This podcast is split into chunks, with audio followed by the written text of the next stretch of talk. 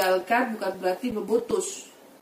Meninggalkan artinya kita tidak lagi bergaul, duduk-dudukan dengan hal-hal yang tidak baik, dengan hal-hal yang tidak positif. Eh, kita ingin mencari yang lebih manfaat, maka kita berhijrah. Tadinya kawan kita seperti apa, sekarang kita rubah kawan duduk kita dengan yang lebih baik, lebih positif, lebih manfaat. Apakah itu bentuk dari melawan hawa nafsu? Pastinya. Karena hakikatnya gini, bagi orang-orang yang cinta kepada uh, dunia, duduk sama orang majelis atau orang-orang akhirat itu gak nyambung. Hakikatnya frekuensinya berbeda. Tapi dengan mereka melawan, biarin saya kemarin duduk sama teman-teman asik seru. Tapi kali ini saya mau meninggalkan karena saya merasa tidak ada nilai plus untuk kita.